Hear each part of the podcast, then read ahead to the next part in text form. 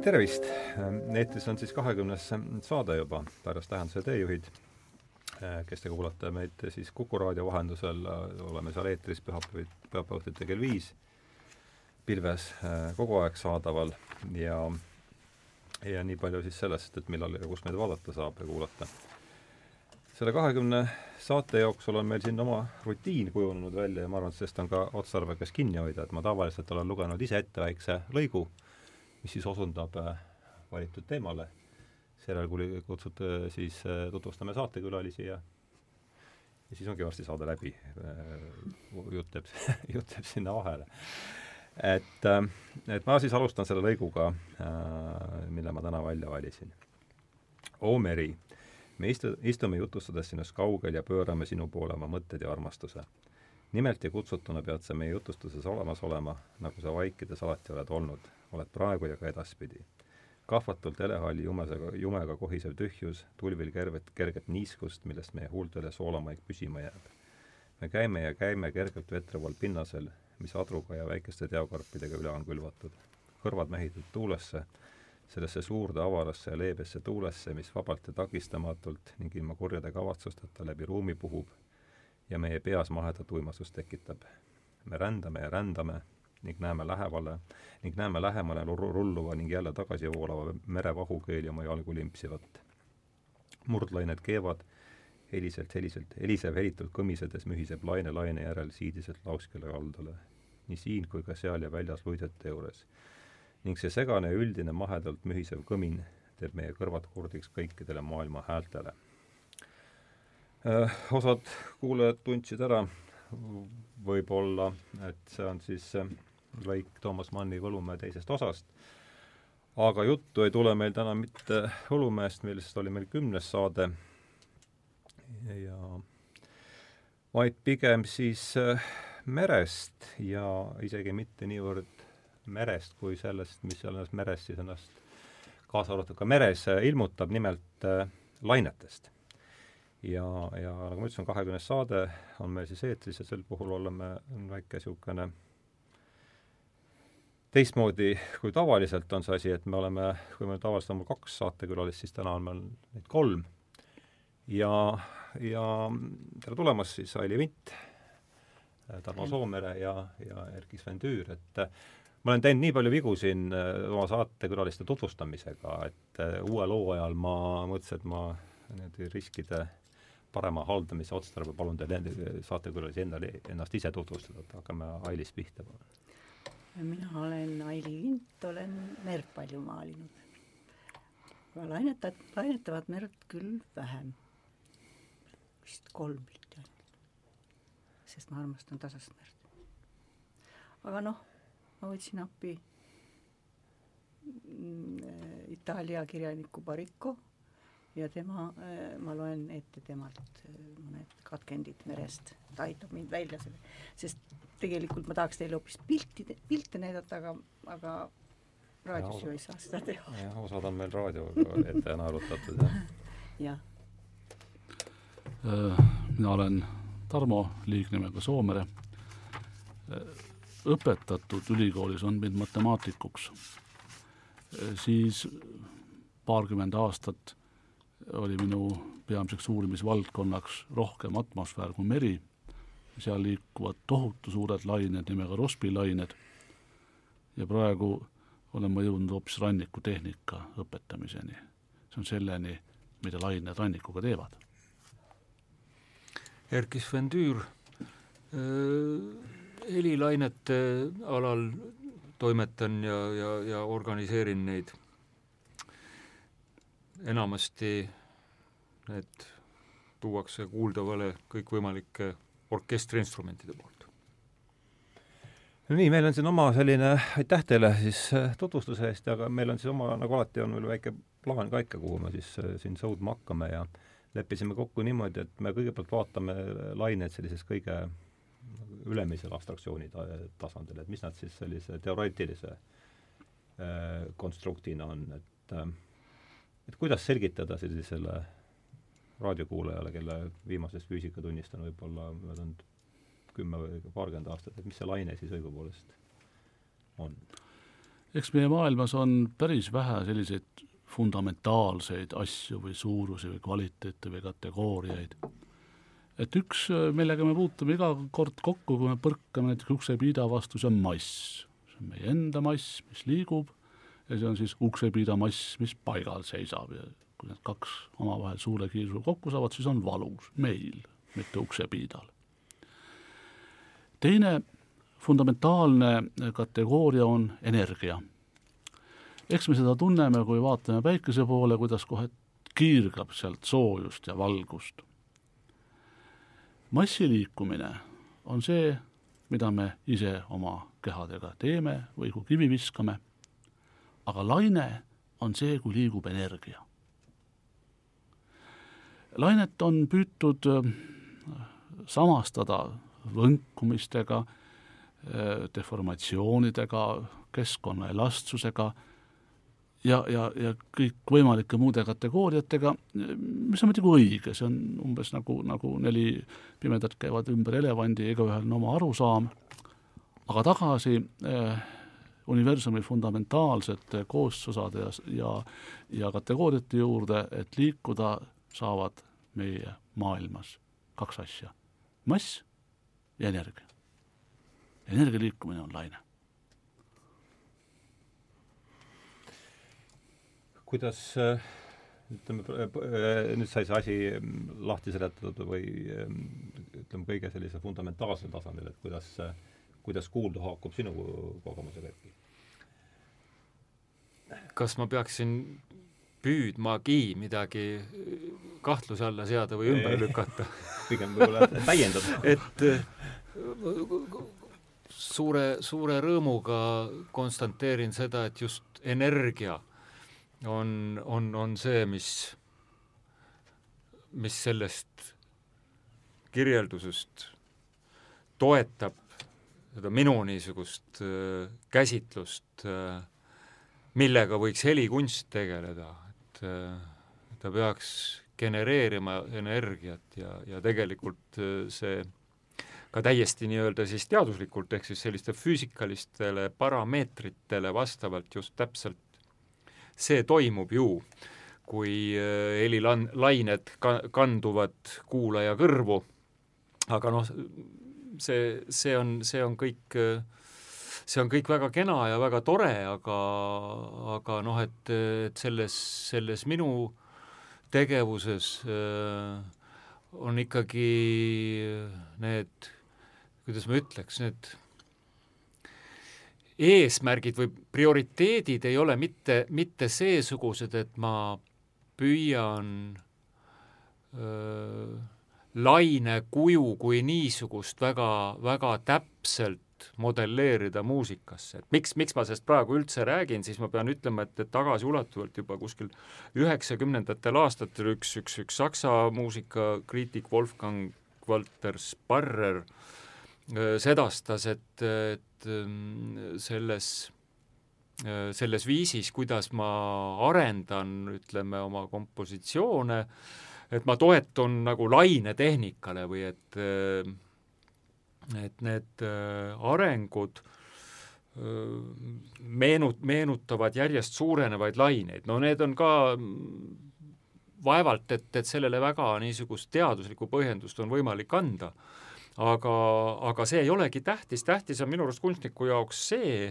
et ta, et teda miskisugune mõttekonstruktsioon inspireerib ja tõukab, tõukab looma, et seal võib olla mingisugune tõepõhi nüüd ka taga, kui me seda asja hakkame analüüsima. Aga, aga tähtsam on hoopis see, et sellest midagi noh, tõeliselt mõjuvat sünnib. täpselt nõnda. liikumiste vahe on nüüd selles, kui liigub mass, siis liigub mingi, mingi asi, kui liigub laine, siis mass ei liigu. Mm.. ja sa edastad oma sõnumi läbi energia edasikandumise mm.. Et, et ses mõttes see on ses mõttes see on nagu see laine jutt, et me, miks sa mind siia ka kutsusid, et ma niimoodi ükskord ülemeelikult niimoodi lubasin, et, et me võime siin noh, jah, rääkida lainetest, seepärast et see laine kuju järgimine mingil mulle iseloomulikul viisil on, on minu jaoks tegelikult mulle hästi tähtis. Aga, aga ma pigem väldiks sellist, sellisesse nüüd, nüüd nagu väga struktuursesse või süvastruktuursesse tasandisse minemast, et, et ei ole mõtet hakata rääkima ses mõttes heli, helilainetest, aga, aga ikkagi, ikkagi sellest, et et kas, kas selles on võib-olla mingi saladus, et mikspärast leitakse, et et see, kuidas, kuidas me ütleme, suuremad niisugused ulatuslikumad äh, orkestriteosed näiteks tunduvad väga, miks nad tunduvad väga orgaanilised või miks nad, miks nad tunduvad äh, väga, väga loomulik, edasimineku arengukäiguga olevat. et kas sellel ehk on mingisugune vastavus sellega, et ma öö, rohkem või vähem ka teadlikult püüan, püüan järgida seda niisuguseid lainekujulisi liikumisi ja, ja näiteks noh, kui ma võtan näiteks seitsmenda sümfoonia, mida no raadiokuulajad ei pruugi muidugi teada, aga see on salvestatud ühel äh, ICM-i plaadil ka Frankfurdi raadioorkestriga, mida Paavo Järvi juhatab, siis see tegelikult ongi niimoodi, et, et see, see jaotub teatud sellisteks nagu suurteks lainekujulisteks arenguteks, mille sees on omakorda väiksemad lained ja nende sees omakorda veel väiksemad nagu, nagu niisugused lained. mida mina selle all mõis-, mõistan, ma mõistan seda niimoodi, et ütleme nii rütmiliselt kui ka heli kõrguslikult kui ka harmoonilise tiheduse aspektist algab üks, üks, üks muusikaline sündmus väga väikestest äh, ja, ja, ja lihtsatest äh, kujunditest või vormiüksustest ja läheb järjest komplitseeritumate juurde, haarates enda alla ka üha suuremat osa tessituurist, saavutab mingisuguse harja ja siis toimub teatav vaibumine. Et, et see on kõige lihtsamalt ja nüüd noh, niimoodi nagu no väga lihtsustatult seletatult see, et et kuidas ma nagu muusikas äh, enda arust toetun mingisugusele lainekujule, see võib kõik olla väga küllap ta, ta on täiesti ebateaduslik ja, ja, ja puhtalt nagu intuitiivselt, intuitiivsel lähenemisel öö, niisugune modelleering, aga mind on ta palju aidanud.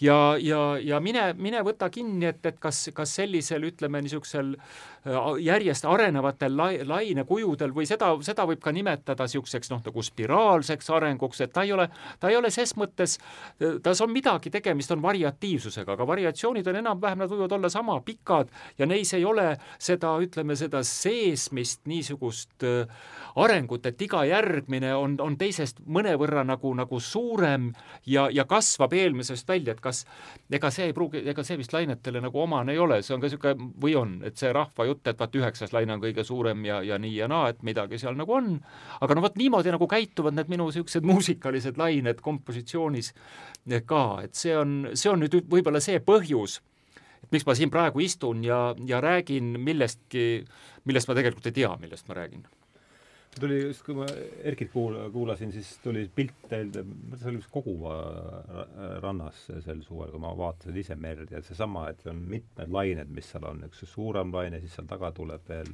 väiksem laine, ühesõnaga need, see, see lainete läbipõimitus, et, et te ütlesite küll, et ei ole lainetavat merd väga väga maalinud, aga, aga kas meil üldse niisugust asist nagu laine, sellist asja nagu lainevaba merd üldse saab saab olla, mis te, teie silm selle peale ütleb?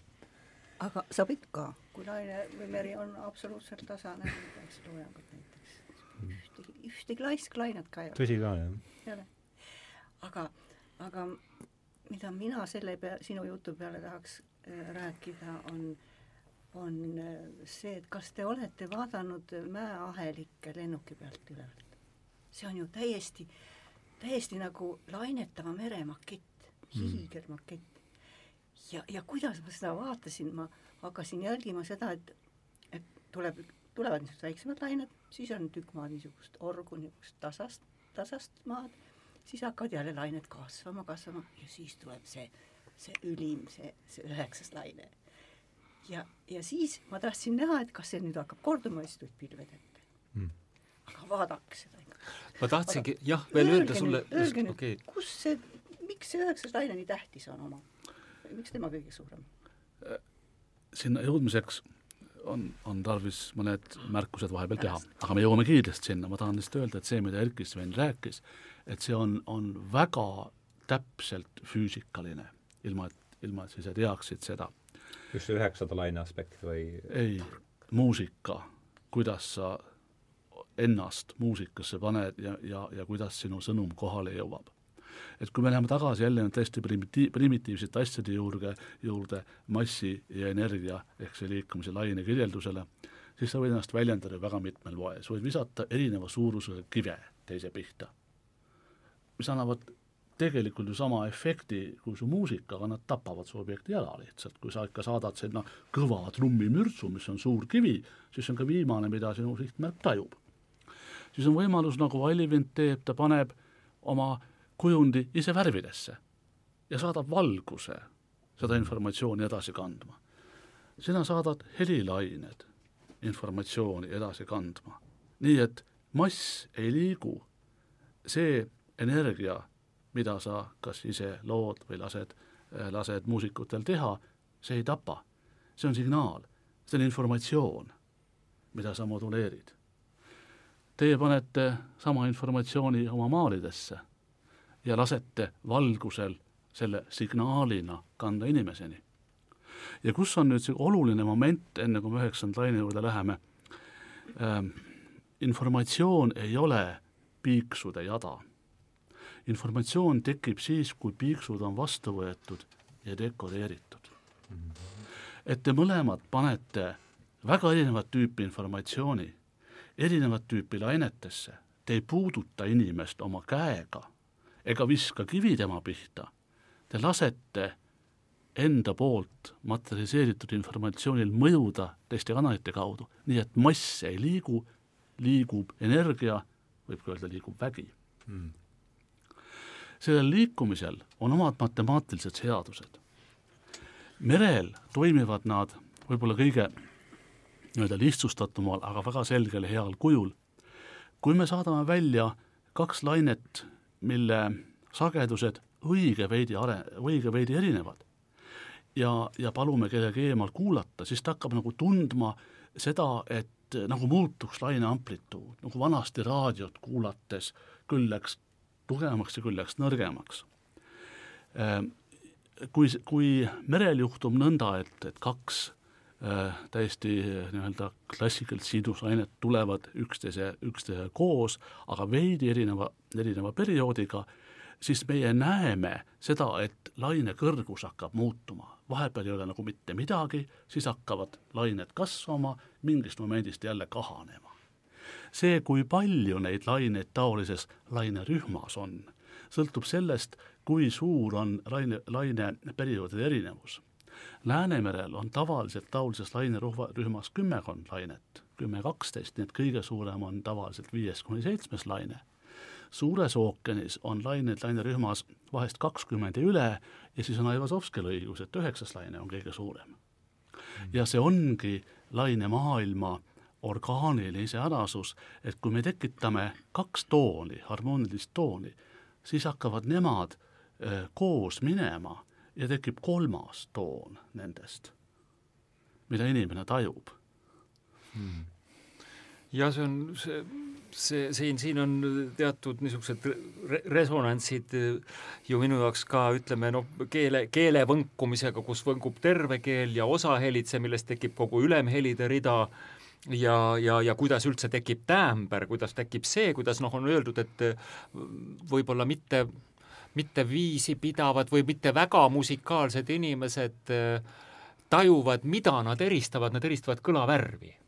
Tänu just jällegi nende, nendele lainepikkuste eri, erisustele, eks ole. aga selle mäestiku kohta ma tahtsin veel öelda vahemärkusena, et mul on üks lugu kahekümne, kahe tuhande teisest aastast, mis äh, telliti ühe Tiroolis äh, toimuva uue muusikafestivali poolt.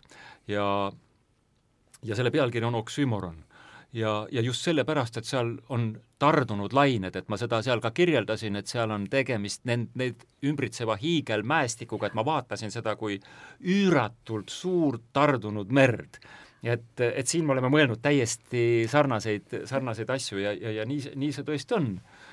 et see on, see on jah huvitav. siin peab nüüd füüsik vahele segama. lainekujuline asi ei, ei ole pruugi, laine. ei pruugi olla laine. seda ütleb juba äh, Murphy seadusest tuntud Darwini seadus, et kui loodus saab, siis ta valetab meid suud, suud ja silmad täis.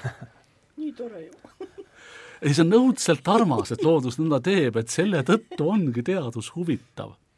aga kujutame nüüd endale ette merelainet ja Sahara liivaluiteid.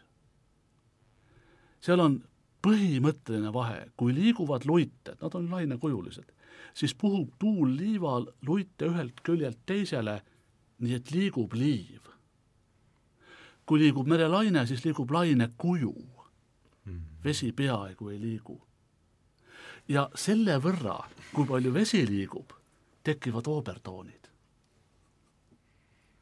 et põhitoon on laine ise ja oobertoon on siis selle mõõt, kui palju vesi hakkab laines liikuma vesi liigub laines natuke edasi-tagasi, aga kui palju ta siis kohalt ära liigub pärast laine äraminekut, laine läbiminekut, see on oobertoonide mõõt meres. väga põnev. väga põnev jah, et selles, selles mõttes siin tuligi see meie, meie näide tuli praegu kohe hästi illustreerimaks seda, et, et kuidas noh, nagu kunstnik lihtsalt puhttunnetuslikult välise visuaalse sarnasuse tõttu äh, asja tajub ja nimetab äh, siis teaduslikust vaatevinklist nagu täiesti valesti aga, aga noh, see ei loe. et Just. lugu, lugu tuli hea ja, ja mägesi kui hiiglaslikke laineid ülevalt lennukist vaadata on ikka tore. absoluutselt. mis, mis võib-olla tahaksin märkimist, et et eks see meie aineline maailm kipub, kipub nagu üle teiste asjade käima nagu väga mitmes mõttes, et, et tõepoolest noh, raha ei tohi olla kõigi asjade mõõt, et tegelikult me ju kuuleme ja näeme ainult selle tõttu, et on olemas lainenähtused ja see on äärmiselt naljakas, et siis see helilained saavad siis võrdlemise kohtlemise osa, võrdse kohtlemise osaliseks alles siis, kui nad on pandud plaadile, nende eest saab raha välja maksta või kui Mona Lisa on maalitud ja tema vaatamise eest saab, saab raha küsida. et see viivituse aeg äh, heli ja, ja visuaalse kunsti väärtuseks rahas mõõdetava väärtuse, väärtuseks kujunemiseks on hirmus pikk ja see ei ole aus et äh, lainemaailm ei ole vist saanud inimkonnale nii omaseks kui aineline maailm. ja see on üks, üks asi, mida peaks hakkama mõtlema või, või, või tasakaalustama juba lasteaiast peale. me nüüd näeme ja kuuleme tänu laineprotsessidele. Aga me hindame asju. Ja andmata endale aru, et see, et, et hindamisprotsessis tegelikult me hindame noh, mingit objekti tänu sellele, et äh, lained vahendavad meile selle, siis nägemismeele kaudu või, või kuidas, kuidas iganes. vaata, Aili, ma tahtsin sulle meelde tuletada, sul oli ühel näitusel, sest on tükk aega tagasi, mis oli puhtalt valguslainete peal ju töötavad need valgest paberist nagu oli mingid objektid ja kus all oli mingi tugeva värviga midagi tehtud, seda värvipinda sa ei näinud aga sa nägid seda, kuidas see reflekteeris sellel kuule, see kas oli nii? see oli üks valguskuma periood. just, ja, ja, ja, ja, ja seal sa minu meelest, sa tegelesid just puhtal kujul selle, selle värvienergia või selle valgu, valgusenergia küsimusega, selle, selle laine levimise küsimusega, et mul on, mul on siiamaani meeles. jah, see oli, see oli põnev periood minu arust, see oli nii, et ma ähm, pidin Osaka triennaalile tegema, tegema äh, nii graafikat kui, kui maali kui skulptuuri. ja ma ostsin kolm niisugust väga head Vene ajal polnud ju saada. ja mul õnnestus osta kolm rulli niisugust valget paberit, lähen, lähen ateljeesse, panen vastu äh, aknalauale, vastu valgust ja vaatan, need rullid hakkasid omavahel nii kõmisema tekkis see niisugune kumaefekt, valguse kuma ja, ja siis ma äh, tegelesin sellega ja järsku kuidagi igatsus oli mere järgi ikkagi järsku näen, et ma voldin merd nii, valgest paberist. ja siis ma võtsin hurraaga kohe ühe suure poogna, mis mahtus just mul tammepuust äh, raami sisse. niisugune uhke raam oli. kõrgus oli sama, laiust ma sain timmida ja, ja ma tegingi selle mere ära. jumala lumivalge, vot sellepärast ka see kummitab see paraku mind et ma olen ise sama triki teinud ja, ja siis ma viisin näitusele, mõtlesin juuni vastu ei võta, võeti vastu, pandi keset saali ma nimetasin selle skulptuuriks.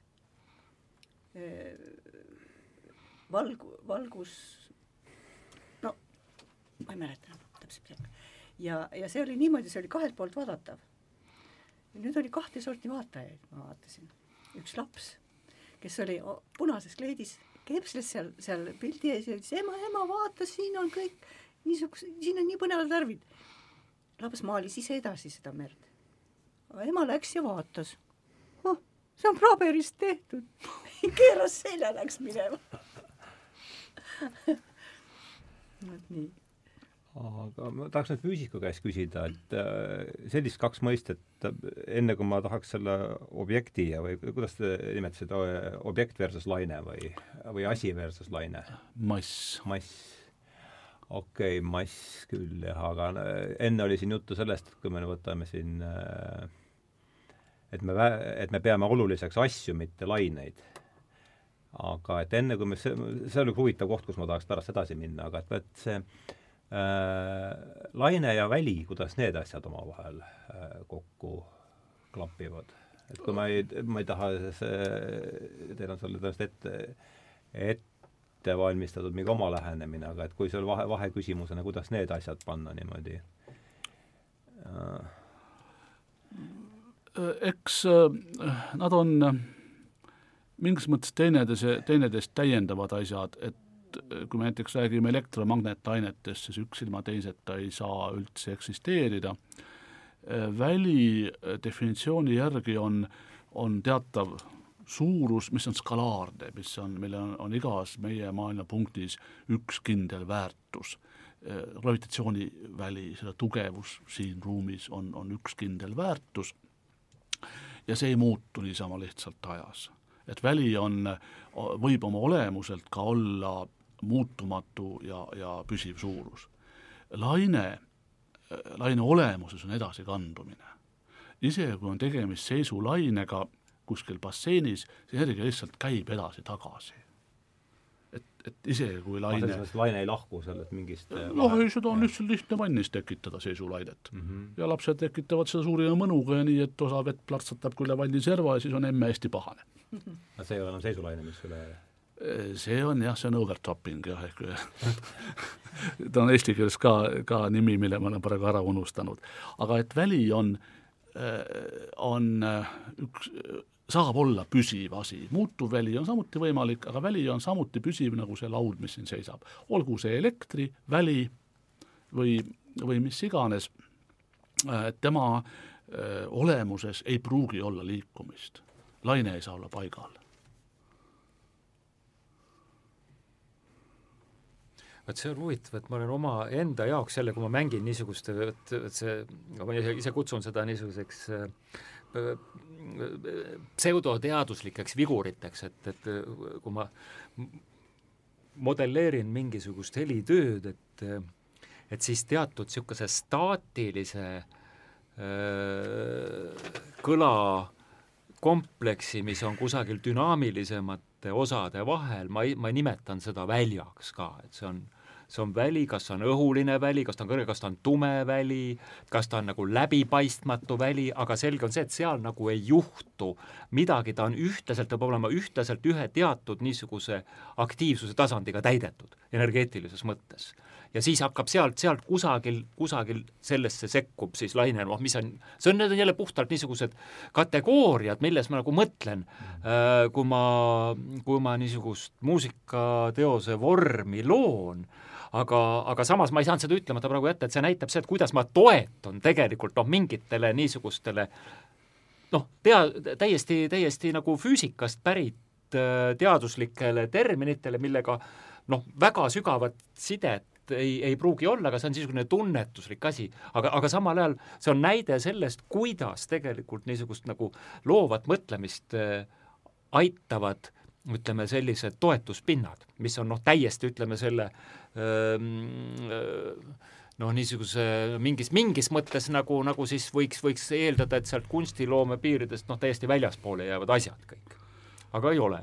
Noh, tegelikult on hea teadus lihtsalt meie maailma äärmiselt kvaliteetne peegeldus ja ka selle peegeldus, kuidas sina lood oma kunsti. jah, kindlasti ka sedapidi, eks muidugi. Aili, midagi välja koha pealt, välja ja laine, kuidas teie seda asja näete? välja peal, kui on laine välja peal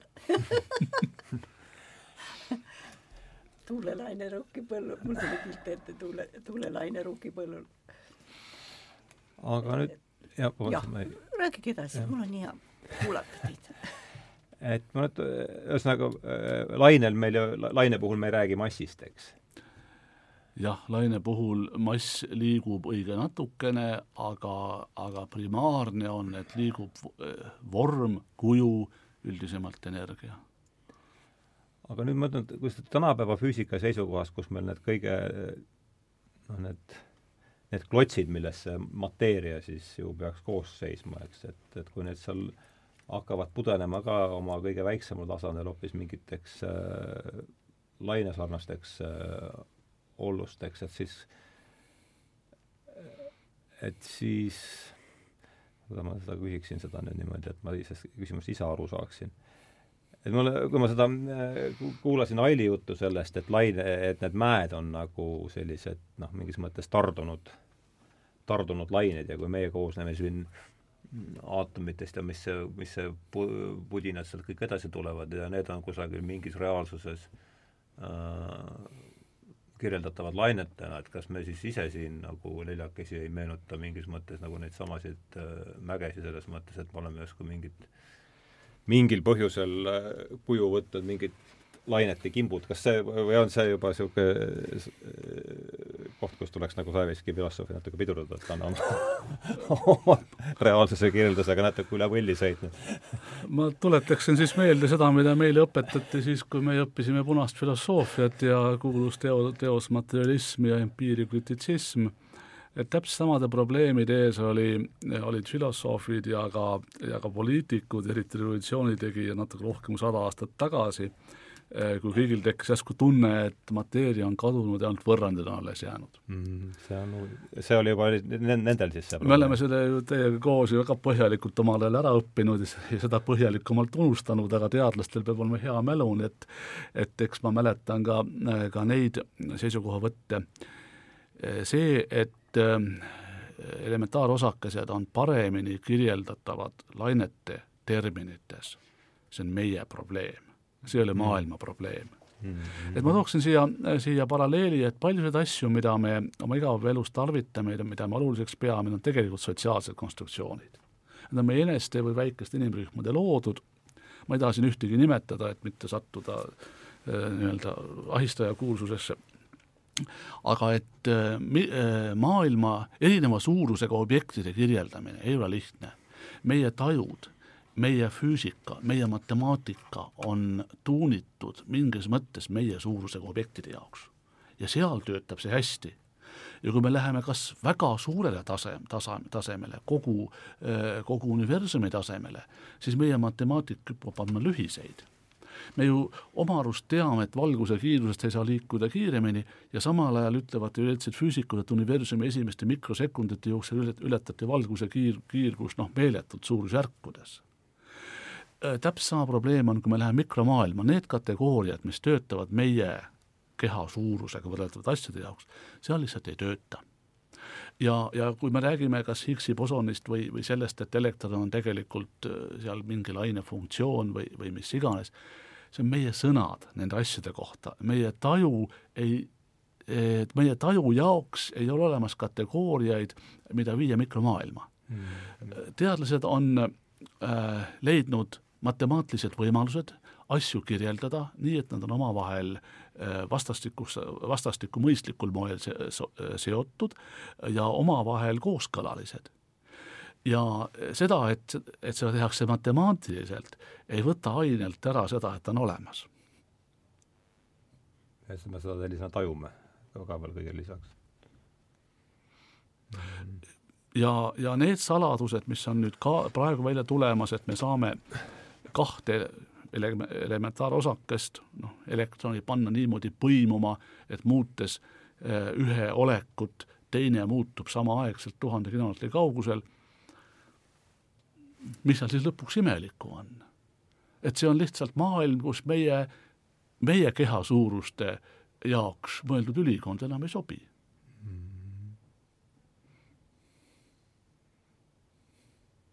et võib-olla siin on paras veel küsida edasi, et ma refereerin, ma siin leidsin hiljaaegu lihtsalt ühe niisuguse osunduse ühele artiklile siin Postimehe toimetaja Kaul Maran on, on, on äh, kirjutanud seal Columbia ülikoolis toimunud mingitest uuringutest, kus heli, helilainete puhul äh, tekib juttu sellest antigravitatsioonist, et, äh, et nagu valgus on ka helifüüsikalisel tasemel vaid massitu lainetus, mis massiga füüsikalisi kehasid kuigi palju mõjutada ei saa, ometigi on valguse puhul teada, et selle osake footon käitub samaaegselt nii osakese kui lainena ja ja, ja siis, et Columbia ülikooli teadlased oma uues teoreetilises mudelis lähtuvad kvantfüüsikast ning toovad mängu footonile analoogse helilaine osakese foononi mm mis näib kõigele lisaks mässavad ka gravitatsioonijõu vastu, ühesõnaga, et, et seal tekivad need liikumised nagu vastu gravitatsioonile, kui seal no see, see on, see läheb nüüd minu jaoks just täpselt sellesse kohta, mida sa, mida sa praegu rääkisid sellest üli, ülikonna mittesobimisest, ühesõnaga, et ma ei et need on, need on need piir, need, kus, kus mu tajupiirid tulevad, tähendab vastu, et see, see on teoreetiliselt kohutavalt huvitav nagu konstruktsioon, mis annab mulle lihtsalt kui helilainetega tegelejale niisuguse hoopis teist laadi sisemise rõõmu, et näed, et mul on siin üks niisugune teaduslik tugi selle kohta, et et helikunst võib nagu tõsta kõrgemale, et mis täpselt samuti ka maalikunst. jah aga ma tahaksin juhtida nüüd ühele tähelepanu ühele olulisele aspektile, et erinevad lainetüübid võivad olla väga, väga erinevate omadustega. võtame needsamad helilained ja, ja valguslained, mis teie töö kannavad inimest silmadesse. heli summutavad kõrvaklapid on ju olemas. töö põhimõte on lihtne, mõõdetakse ära väljast sisse tulev helisignaal, genereeritakse uus, mis on täpselt vastandfaasis nii et see uus ja vana signaal kokku äh, liites annavad mm. nulli. selles ei ole midagi imelikku, me oskame summutada helilaineid. aga kas te oskate ette kujutada küünalt, et panete põlema küünla, mis levitab pimedust? ei. ja miks? mille poolest on helilained teistsugused kui valguslained? No küllap, et seniajani pole sellist küünalt veel keegi süüdanud, ütleks. Teoreetikud ei ütlevad, et äh, teatavat tüüpi valguse jaoks on see võimalik, aga, aga, aga loomulikult ma ju ei, ei, ei tahagi ju teid viia äh, nii-öelda süvafüüsika keerdkäikude sisse, mida ma tahan rõhutada, on see, et erinevad lainetüübid võivad olla fundamentaalselt erinevad. Mm.. me ei saa öelda, et, et laine on lihtsalt nüüd äh, massi või, või, või massi, massi äh, vastand või, või mateeria teine eksisteerimise viis, laineid on, lainetüüpe on, on äärmiselt erinevaid. mateeriatüüpe on vähe, keemilisi elemente on natuke saja, elementaarosakesi noh, umbes sama palju, millest kõik koosnevad. lainetüüpe on tegelikult natukene vähem, aga see erinevus on, on täiesti fundamentaalne. sealt see mõte, et merelainet, merelained ei ole kõigi lainete väike mudel. on olemas hulk laineid, millel on täiesti teistsugune hingeelu. nii nagu on olemas elektronid ja prootonid. see on täiesti erinevad, aga ilma, üks ilma teiseta on mõttetu, ta ei moodusta ainet see oleneb sellest, kus kohas see laine on, näiteks mul oli esimene võõr, võõrmeri, millega ma kohtusin, Must meri. ja juba lapsena ma vaatasin, see ei ole meri, see on üks hiigelsuur kauss. Ja nüüd ma seisan seal Musta mere ääres ja vaatan, et, et just oli üks kärakas käinud ja, ja pritsid, laine lõi vastu kaljut ennast, musta kaljult ennast eh, kildudeks. Ja siis järsku oli täielik vaikus, meri oli taasane, taasane. Ja tükk aega niimoodi. Ja siis järsku hakkas ta nagu kerkima nagu tainas üle, üle kausi. ja siis, kus tuli üks suur pikk laine mööda randa niimoodi ja jälle põrutas ennast katki. aga, aga meil, meil Põhjamerel on ju niimoodi, et tuleb tuhandeid laineid randalt. Lõbusa lustiga niimoodi ja vajuvad liiva. et hoopis erinevad, noh, kus kohas. jah, isegi merelained, eh, mille füüsika on täpselt sama kõikides meredes, nii maal kui ka kogu galaktikas, need vahest näevad välja äärnevalt erinevad sest ega ju ka palju neid toone on, mida sa kasutad. kui sa ka mängid täis- ja pooltoonidega noh, ütleme, teeme pooltoonid ka veel pooleks, noh aga ikkagi see on väga niisugune piiratud noh, sadakond saad täis, jah. jah, see ei no see jah, kui me oktavi sees teeme, eks ole, et siis sealt väga, väga palju neid ei tule seal. aga kui palju sümfooniat sa oled juba kirjutanud? no patuga pooleks üheksa. noh, et ja, ja sa leiad ikka veel uusi kombinatsioone, et nii on ka merelainetega et kuigi need toonid on samad, ei saa me jagada sinu tööd niisama lihtsalt algosate, algosakesteks mm.. et spektrogramm sinu tööst ei ole looming. ja ei no ta ei väljenda jah, seda, ta, ta analüüsib just teist asja. sa paned siia sisse midagi veel, veel teist. sa paned siia sisse midagi, mis kõnetab teist. midagi, mis on dekodeeritav.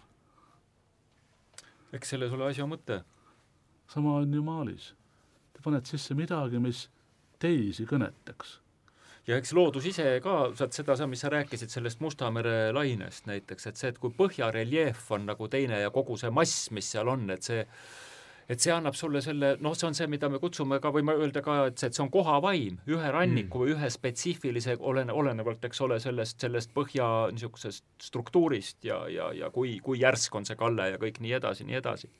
et ka mul on õnneks üks niisugune tore koht lähedal Hiiumaa lääne tipus, Ristna, Ristna-Neemes on üks, üks haruldasi kohti Eestis, kus see kallas läheb väga järsku, läheb sügavaks. Ja, ja seal on võimalik käia nii vaatamas kui kuulamas siis sellist just, just, just nagu ookeanilainet peaaegu, et, et seda, seda mujal ma ei, ma ei olegi kohanud, et, et see on, see on nüüd see eripära veel ka veel lisaks kõigele muule, et just, et see, mida sa sealt saad, mida, mida see ühe äh, teatud konkreetse valgusega ja, ja, ja selle taevamaalinguga, mille see õhtupäike või tõusev päike siis või, või keskpäevapäike, mis tahes, või, või erinevad pilvekihid sulle loovad, et see on see, mida meie inimolenditena tajume sealt, et, et lisaks kõigele nendele füüsikalistele parameetritele, mille peale me võime ka mõelda seda nähes, me saame sealt ometigi midagi võrratult palju rohkemat ma loodan, et ma ei kurvasta sind, kui ma ütlen, et kaks sellist kohta on Eestis veel. oi, see on ju väga tore. ja et seal taga, nii imelik kui see ka ei ole, on, on laineinimeste jaoks äärmiselt lihtne füüsika. see, mida Aili ütles siin Lääne-Lainete kohta, et tulevad vutt-vutt-vutt-vutt, väiksed lained järjest, see ongi meie mere tavaline omadus, et meie meres tulevad äh, väga erineva lainepikkusega lained enam-vähem korraga randa ja seetõttu lainete murdumise müha on, on väga ebaregulaarne. kord niimoodi, kord teistmoodi. see koht, eh, millest sina räägid, sinna kipuvad tulema lained päris Läänemere avaosast, mis on eh, pikad ma ütlen pikad, mitte ainult pikad, vaid nad on väga ühtlased. Et ookeanilainete rahustav mõju on suurelt jaolt sellest, et nende perioodid on seal kümne sekundi ligi ja laine ise tuleb äärmiselt ühtlaselt, nii et see laine murdumise mühal on väga kindel rütm hmm.. sina muusikuna talud pigem, tajud pigem seda rütmi. taolise rütmiga laineid on võimalik välja eraldada, kui tormilained liiguvad üle äh, kindla kujuga madalikku. et siis äh, madalikud toimuvad, toimivad filtrina. nii näiteks Hiiumaa surfiparadiisis on väga regulaarne lainetus, mis on paindunud äh, ümber ühe, ühe madalama koha mm. ja see, mida sa tajud äh, rahustava ookeani mühana, on väga rütmilise lainetuse äh, murdumise müha. teine selline koht on Uudepanga lahes Saaremaal. Ükskõik, kus Läänemerel on torm, on seal lahes lained. eriti hea on seal lahes veel see, et sa saad laine pikkust varieerida, jalutades pikiranda, jalutades pikiranda kilomeetri võrra, muutub laineperiood näiteks viiest seitsme sekundini. sest et lainete Äh, ümberkujunemine, kui lääned levivad mööda mööda, mööda kindla kujuga madalikke, see ei ole mitte ainult lihtsalt filter, vaid see on ka seda tüüpi asi eh,, nagu me näeme eh, valguse murdumises klaasis, et läheb vikerkaareks. Kind- eh,, iga rannaosa nii-öelda allavoolu või allalainet tabab erineva pikkusega laine mm. -hmm aga, aga ma kujutan nagu ette, et just, et sinu, sulle, sulle sobib hästi see spetsiifiline rütm. et sulle kakofoonia ei tohiks hästi sobida mine võta kinni, mulle, ma ausalt öeldes, mulle meeldivad need erinevused, et, et, et ma pigem kollektsioneerin just, just, just neid erinevaid, et no vaat, mida me kakofooniaks nimetame. kaost. kaost, jah, et tegelikult on kaos ja kui, kui kaos ja korrastatus omavahel teatud korra järgi vahelduvad, tekib üks hoopis huvitav rütm veel et, et see on, see on ka väga põnev. see ongi see, mida sa tunned, kuulates ookeanläänete mühinat. see mühin tõuseb ja vajub kindlas rütmis, sul on kaos, mis on rütmiline. ja sealt, ma arvan, su kõrv püüab välja midagi, mida ülejäänud lihtsorelikud ei suuda tajuda. No küsiks Aili käest vahepeal ka see, just see, mulle meeldis see korra ja kaose teema, mis siit nüüd sedapidi sisse tuli, kuidas see kuju, maalikunstis on ju kahte sorti loojaid, ühed on targad mõtlejatüübid, eks, meie oleme niisugused lapselikud natukene kui mitte palju, niisugused äh, tundetüübid, eks. ja, ja nüüd on niimoodi, et, et me peaksime tegelikult rohkem koos olema ja, ja kohe koostööd tegema sellepärast, et äh, meil enda, endi sees on ju ka nii tunded kui mõtted ja need ajavad üksteist taga. ja pealegi noh, nad elavad meie sees nagu kommunaalkorteris. kogu aeg kaklevad omavahel, eks. üks võtab ülemvõimu Haak,, ütleb, et vot. haakub väga hästi minu kogemusega. no vot, vot, vot, vot. ja, ja vot sellepärast oh,, näiteks äh, kes ütles ühe ilusa, ilusa lause kunstniku, tähendab teaduse ja kunsti kohta, see oli Goethe. tähendab niimoodi, et teadus ja kunst põgenevad pidevalt teineteise eest sinna, kus nad üksteise taas eest leiavad hmm.. on ju nii? ei saa me ilma üksteiseta. nii et ja ma kujutan veel ette seda, et, et kuidas see siis inimlikult välja näeb, see, see põgenemine see on nii, et, et mees ajab naist taga kuni naine ta kätte saab. on ju? see on hea kujund. Selle kohta on ka näiteid võtta siit. jah, aga see, sellest kaosest, kaos ja nüüd, nüüd on niimoodi, et kui me koos kahekesti tegutseksime, teadja ja tundja, siis, siis teadja võib tundja isegi välja vihastada sellepärast et tema tekitab niisuguse loomise kaose vahel, et, et, et üle mõistuse, eks. aga, aga pärast, mis tuleb välja, et see on ikka teadjale ka kasulik. Et ta vahepeal üle mõistuse upsas kaosesse, kas no no, varba, varba kaosesse? jaa, ta tekitab niisuguse, niisuguse kaose, mis on teadjale tegelikult arusaamatu. et vot kus nüüd mõtles välja või, või, või mis ta nüüd jälle teeb siin eks need võivad ühes eh, inimeses ka koos olla, need, need kaks poolt, et ma ise enda puhul tunnen küll seda, et see, kõlab võrdlemisi skisofreeniliselt võib-olla, aga aga no ehk mitte nii hullusti, et, et, et, et noh, minu jaoks on see komponeerimine ka üks niisugune noatera peal kõndimine, kus ühel pool on niisugused täiesti selged ratsionaalsed äh, ütleme siis intellektuaalsed otsused ja, ja teisel pool on see täiesti intuitiivne tegutsemine. puhas, puhas, puhas tunnete niisugune ja tajude maailm, eks ole. Mm.. ja ja siis on niimoodi, et, et mingitel väga niisugustel kriitilistel hetkedel ikkagi jääb see intuitsioon jääb, tähendab peale, et kui tekib küsimus, et kas ma lähen oma, kas ma lähen vastuollu oma, ütleme niisuguse äh, eelnevalt determineeritud niisuguse skeemiga või, või, või sellise teatud korraga, mis ma justkui olen loonud süsteemiga, aga et mu sisetunne ütleb, et ma pean seda, ma ei saa isegi aru, miks, aga mu tunne ütleb, ma pean siin kohas, ma pean seda nihestama või lõhkuma, siis ma lähen, siis ma lähen ikkagi selle, annan järgi sellele tundele. ja ma tegelikult ei eksi et, et, et noh, tegelikult need asjad peavad sul endal sees, ma usun, olema, et, et, et see kontrolliv filter ja samal ajal see, ütleme, pulbitsev magma või see jõud, mis sind tegelikult sunnib midagi looma üldse mm. -hmm. kuulsite? nii ongi, et, et tegelikult, kui tekib konflikt mõtleja ja, ja äh, tundja vahel, mis on ka meis endis olemas, eks, siis, siis usaldage alati tundeid. tunded lahendavad probleemi või teki-, või tekitavad neid juurde? jah, võib, võib nii ja naa juhtuda vist. ei, tunded jäävad alati peale. jaa, inimese puhul küll. ükskõik kui, kui tuim inimene ta on. jah, et Blaise Pascal juba kirjutas oma mõtetes, et tunded muud ei teegi, kui petavad meid mis on ka õige. las nad petavad, miks te ei või lasta ennast petta vahetevahel siis? ei, aga ma ei ole öelnud, et mulle petmine ei meeldi ega petlik ilu on endiselt ilu.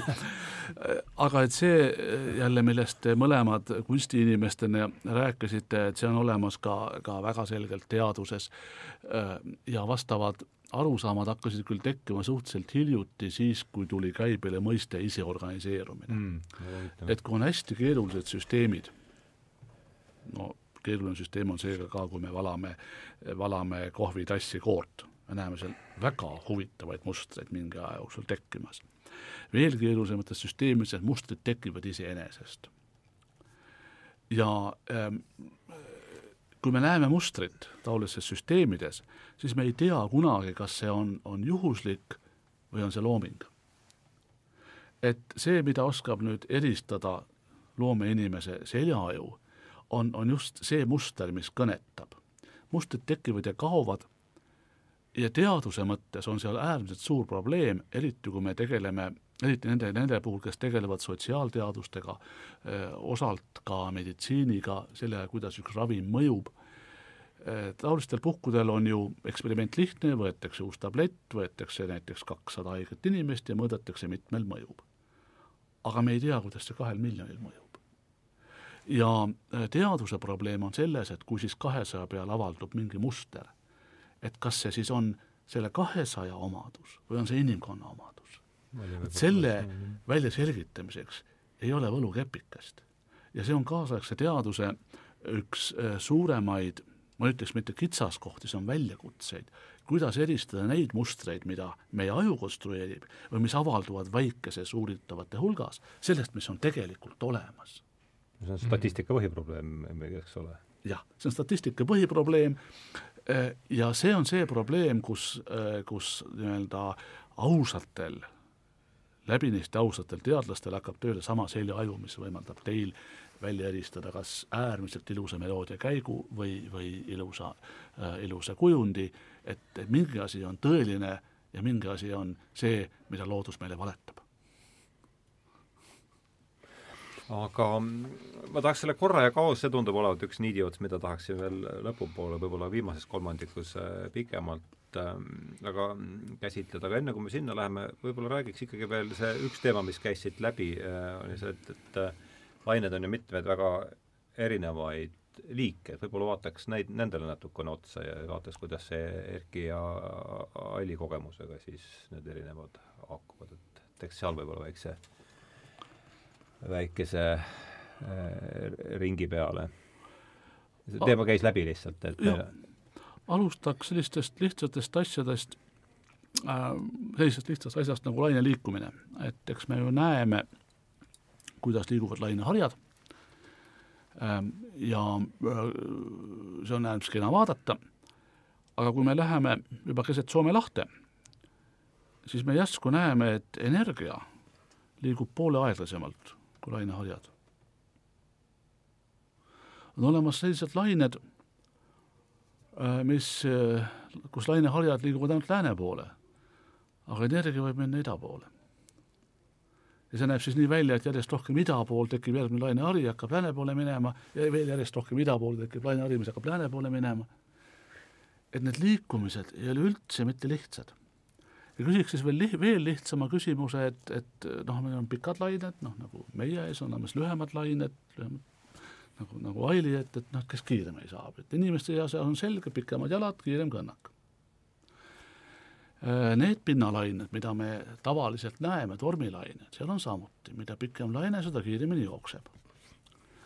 aga kui me hakkame hästi väikesi laineid tegema tormi teeklaasis siis me näeme, et lühemad lained jooksevad pikem, kiiremini kui pikemad.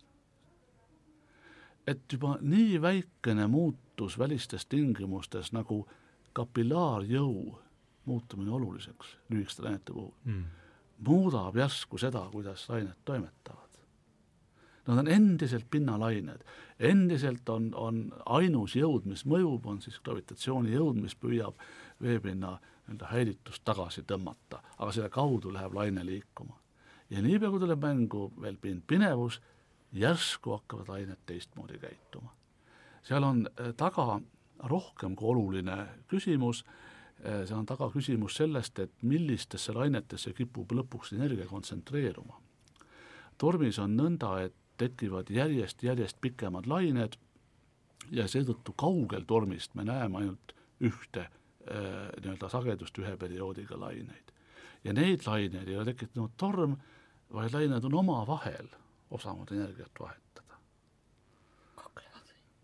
kaklevad, jah, üks sööb teise energia ära ja seal on kindlad reeglid olemas. nagu inimesed. nagu inimesed, hullemini veel ja ellu jääb üks mida laineteadlased oskavad prognoosida, ei, see ei ole üheksas laine. see on see on äh, teistmoodi vaadates jäävad ellu kindla perioodiga lained tormiservas. tormiservas? jäävad ellu kindla perioodiga lained ja korjavad teistelt energiat ära. et sellised äärmiselt huvitavad hundiseadused kehtivad ka lainete maailmas, äh, nii et iga laineklassi vaadates peab olema üsna ettevaatlik, et, et see, mis on mälus eelmisest kohast, Mustast merest, ei toimi Läänemerel ja, ja veel vähem toimub ta kuskil Iirimaa randades, kus naine, naine võib lihtsalt tulla ja kivi pealt inimese kaasa kahmata. väga põnev. ma vaatasin Kamtšatkal, seal on veel eri moodi naine. see on, see on nii, et nad tulevad nagu, kappavad nagu hobused randa, isegi lehvivad, niisugused juuksed on seal taga. ja, ja siis nad tulevad musta randa, see on ju see vulkaaniline liiv. ja ja ma, ja, ja mingi tõke on neil ka neil randa tulla. kas see on see, et, et see liiv on vulkaaniline ja tekitab mingisuguse hõõrdumise või? Äh, pigem, pigem on, et kuskil rannast paarsada meetrit eemal läheb järsku sügavamaks. ja isegi taoline veealune sügavuse jõnks äh, on lainet, on poolte lainete jaoks ületamatu tõke.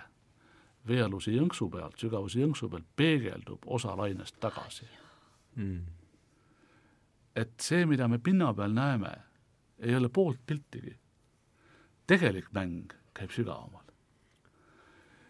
siselained meres on väga sarnased pinnalainetele. me ju teame, et mere pinnakiht on natukene, natuke soojem ja kergem ja, ja põhjakiht on, on natuke jahedam ja, ja raskem ja, ja siis seal kuskil mere sees käivad siis selle ähm, temperatuuri hüppekihilained, see koht, kus temperatuur muutub. Nende lainete amplituud võib kergesti olla sada ja kakssada meetrit. Need on allveelaevu vastu põhja virutanud ja ühe korra Gibraltari väinas ka ühe pinnale toonud, et, et see sai laeva, sai pinnapealse laevaga kokku. et need tõelised monstrumid on hoopis mujal, mida me ei oska ette kujutadagi. Need eh, tekitavad äärmiselt suuri koormusi naftapuurtornidele. lõhuvad torusid, mida mööda siis naftat välja pumbatakse, ja need ained, mida me ei näe. mida me ei näe, jah. et, et tõelised elajad ja mõrvarid on kuskil sügaval, nii nagu Loch Nessi, Lochi või Nessi. et, et äh, mingis mõttes on kogu maailm täis erinevat tüüpi laineid. Äh, pilvedes me näeme neid päris sageli. aga enamasti see, mida me näeme, on, mida laine on juba teinud. lainet ennast näha on haruldane, enamasti näeme tulemust kui kaks rostpilainet saavad atmosfääris kokku, siis me näeme, et tekib madalrõhkkondade kõrgrõhkkondade malelaud. me ei näe lainet ennast, näeme, mis ta on teinud. kui me läheme mis pärast laine see oli? Rospi, Rospi. Rospi laine. kui me läheme randa pärast tormi, ega me ei näe neid tuhandeid laineid, mis on käinud, aga me näeme, et rand on kadunud.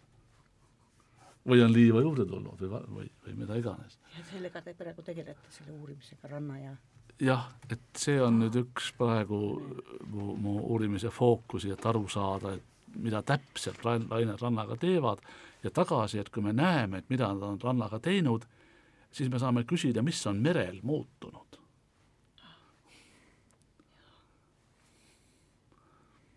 Aga see, ma läksin nüüd natuke liiga vist oma, oma eriala Sugu, juurde. sugugi mitte, see on, see on, see on, see on õudselt põnev. no sellele on plaanis üks eraldi saade lausa põhjend-, pühendada, aga me ei saa ilmselt, nii palju on juba praegu selgeks saanud, et, et kui me lainest räägime, siis me ei saa kuidagi energiast, noh, laine on energialiik, üritaks, ma ütlen, see väärib eraldi saadet, et mis see kindlasti on raadiokuulajal ja, ja saatejuhil kindlasti tekkinud ikkagi küsimus, et mis see, kuidas me siis seda energiat nüüd äh, defineerime? mis tuum ja kust ta tuleb ja kust ta tuleb? ja kuhu läheb? Need kaks viimast küsimust on lihtsamad vastata kui esimene, et mis on energia, seda on kõige raskem vastata, see on sama raske vastata kui küsimus, et mis on mass. me saame tuua näit-, tuua näiteid energiast või massist, aga, aga vastata küsimusele, mis ta on, on raske. maa peal on energiaga lihtne, lõviosa energiast tuleb meile päikeselt ja kõik, mis päikeselt meile tuleb, kas kiirgub tagasi või muutub soojuseks. Aga mis seal vahepeal toimub, vot see on see keerukus. oot, kus vahepeal siis? vahepeal, et kui päikeselt tuleb meile Mm. energia, tuleb jah, põhiliselt siis soojusenergiana ja, ja ka valgusenergiana, ja siis ta hakkab kuidagi moo-, kuidagi muutuma väga, väga keerulisi kaskaade pidi. Ja see energia, millega päike meid varustab, ta jaotub ümber kahte kanalit pidi. üks kanal on siis lained, ka soojuskiirgus, ja teine kanal on voolamised, vee voolamine ja õhu voolamine kolmas kanal on hästi väike, see on see, kui soojendatakse natukene maapinda ja ka mõne meetri sügavuseni, aga soojus levib meie maakooles väga halvasti. et, et see on täiesti lokaalne. aga maa peal jaotub energia ümber eh, tuultega ja hoovustega. Ja see mehhanism on küll nüüd äärmiselt keeruline ja, ja, ja seda ma ei tahaks siin lahkama Nee. hakata. ja siis vahepeal äh, tuuled tekitavad meres, merepinnal laineid, need omakorda äh, on suutelised tekitama siselaineid, tuuled ajavad vahest merevee äh, äh, ühte mere külge üles, kui see sealt tagasi minema hakkab, siis tekivad kolmandat tüüpi laineid, siis käib veel kuu ümber maa ja maa ümber päikese ja sellest äh, gravitatsioonijõu vahedest sünnivad tõusumõõnalained, need tekitavad kolmandat tüüpi liikumisi, nii et kogu see tohutu kellavärk, mis meil maal käib, on käivitatud päikese poolt ja lõpeb asi sellega, et meile tulnud energia kas lahkub maalt või muutub siin soojuseks. see, et vahepeal kasvab puu, see on geoloogilises mõttes väike fluktuatsioon. oli. aga kuu käis siin läbi ja mina kohe tahan küsida. et ähm, kuidas küsida, need kuutõusud ja mõõnad, kuidas need inimese aju mõjutavad ja eriti loomingut? kas nad üldse mõjutavad? Kui minna mõõna ajal randa ja hakata maalima, siis tuleb ikka õigel ajal molbert ära ohutustehnika. seda ta meile sedamoodi, ta on igale tõhku siis ajab rannast minema. ja aga, aga kuidagi ta ju peab ometi mõjutama, sest, sest vaatame luule, maailmaluule ajalugu. kui palju on seal kuust luuletatud? et mis persoon ta niisugune on ikkagi? kui palju ta mõjutab inimest? Kuutõbised näiteks on mõned no see on jah, täitsa omaette teema, see, kuidas unehäired ka inimesed, kellel see kuu üldse tuppa ei paista, aga ka et kuidas, kuidas võivad erineda seal täiskuuga ja nii edasi, et see on niisugune täitsa omaette, omaette jutt, aga mm -hmm. aga jah, veel vahe, vahe, vahemärkusena sellena, mis, mis, mis sa just ütlesid, et, et, et see, mis juhtub seal vahepeal, et see on nagu kõige huvitavam, et, et just needsamad asjad on on minu arust, on, on, on muusikas, noh, minu jaoks on kõige huvitavamad, on muundumised, transformatsioonid, kus üks helimaterjal muutub iseenese vastandiks põhimõtteliselt, kus, kus ütleme, mingisugusest öö, puhtast kvindist saab noh, tervet tessituuri täitev klaster sujuvalt, kuidas, kuidas toimuvad need energiate transformatsioonid et see on, see on kõik see, kui me noh, räägime nagu jällegi kunstist ajas ja muusika on noh, kunst ajas, ta on protsess, et, et, et ses mõttes jällegi noh, siin on, siin on noh, need energiatest rääkides just energia transformatsioon, kuidas rütmilisest energiast, kui rütm nagu jookseb noh, kokku, kokku nii-öelda saab, saab mingisugune hoopis teist laadi, ta laheneb kuskile või sa siis jätad ta lahendamata. ja, ja mis tast siis saab, kus ta ootab oma aega, et kusagilt välja nagu pursata, et me noh, tegelikult tegeleme sellise energia muundumisega sellise muusikateose ülesehitamisel väga suurel määral ja, ja, ja kui see, kui seda nagu endale teadvustada ja ja, ja testida siis enda peale, et kas see, kas see töötab või kuidas ta töötab, et see on üks, üks asju, mille peale ma väga-väga palju aega kulutan. selleks, et äh, mõõta nagu äh, selle tõhusust või selle, selle, selle toimet. ja, ja ega ma ei oska ju publikust midagi arvata, aga ainult sellest, et kui ta minu peal sedasi töötab, siis ma ei saa ometigi nüüd noh, nii erandlik persoon ka olla, et ei leiduks teisi inimesi, kes midagi analoogselt minuga ei taju. et, et nii, niisugune mõttevälgatus tuli lihtsalt pähe selle, selle järelmina, mis, mis me siin enne kui nüüd püü-, püüda lugeda atmosfääri dünaamikat partituurina, et mis seal siis toimub, kui nüüd võtta see natukene Äh, detailsemalt ette, et erinevad laiuskraadid saavad erineva hulga päikesesoojust. no ühes potiservas ei saa keeta paksemat suppi kui teises servas, ikka hakkab see paks minema sinna, kus on vedel. või vastupidi. tekivad tuuled äh, ja need tuuled ei teki ju ühtlase vaibana maad katma, kuskil tekib taifuun, kuskil tekib orkaan mis, mida toidab siis veel äh, soe merepind, ja selle asemel, et see soojus rahulikult lähe-, tuleks siis meie juurde, alguses käib torm üle Florida, siis käib see torm vahest veel ühe, üle Kanada ja siis lõpuks selle jälg jõuab kuskile Norrasse välja ehm,. Siis kuna maa veel pöörleb peale kõige muu, et lapik ta ka ju ei ole, ta on ikka pigem ikka ümmarguse, ümmarguse asja moodi, kuna tema pöörleb, siis äh, kõik tuuled, mis puhuvad, kipuvad oma algsest suunast kõrvale kalduma, seetõttu kipuvad tuuled ikka puhuma kas idast või läänest. aga kui, kui ühel laiuskraadil puhuvad tuuled idast ja teisest, teisel läänest, siis seal vahepeal on ju hirmus vastik ala. ja see ala tekitab neid tormitsüklume, mis meile siia sooja toovad. et selles trans-, energia transformeerumises tahan ma öelda, tekivad kohad, kuhu koondub tohutult palju energiat. see on see iseorganiseerumine, see on looduses vältimatu protsess mm. -hmm. samamoodi ka kunstis. kuhugi koondub seda energiat, kui looduses füüsilist energiat, siis loomeenergiat inimestes, mida saab mõõta mitte otse kraadiklaasiga, vaid, vaid kuidagi teistmoodi.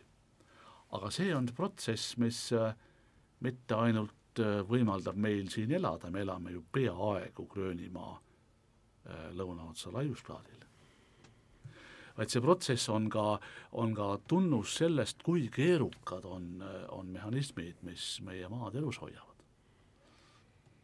ja samal ajal need mehhanismid, ka tormide tekkimine, on vältimatud, kui me tahame, et maa elus oleks no ja sestap ongi nagu põhjust, põhjust muretseda no, a la, et mis saab, kui golfihoovus aeglustub või jääb seisma, kuidas, mis, mis noh, see on jällegi üks, üks, üks teine teema, aga noh, et sellest, sellistest äh, protsessidest me oleme kõik niivõrd suurel määral sõltuvad, et, äh, et noh, neile nagu mitte mõelda ja, ja, ja elada ei olegi nagu selles mõttes võimalik kõige naljakam on see, et golfihoovuse algselt käima ajavad lained hmm.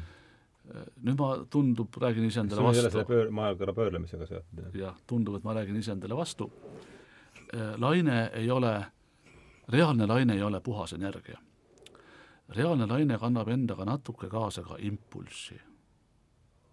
impulss on see, mis on liikuva keha omadus. füüsikatunnist mass korda kiirus kui nüüd laine peaks randa jõudma ja purunema, murduma, impulsil kehtib jäävuse seadus, impulss ei kao, nii nagu energiagi, ta võib muunduda. see impulss, mis laine murdumisel vabaneb, see lükkab vett üles ranna poole. see on nii tavalises murdlaines mm.. sellepärast võib meie randades mõnes kohas, kuhu tulevad suured lained tormi ajal, nii nagu sinu lähistel Ristna kandis, võib veepind tõusta lisaks avamere vee, veetasemele veel kuuskümmend, seitsekümmend, kaheksakümmend sentimeetrit. ole ettevaatlik.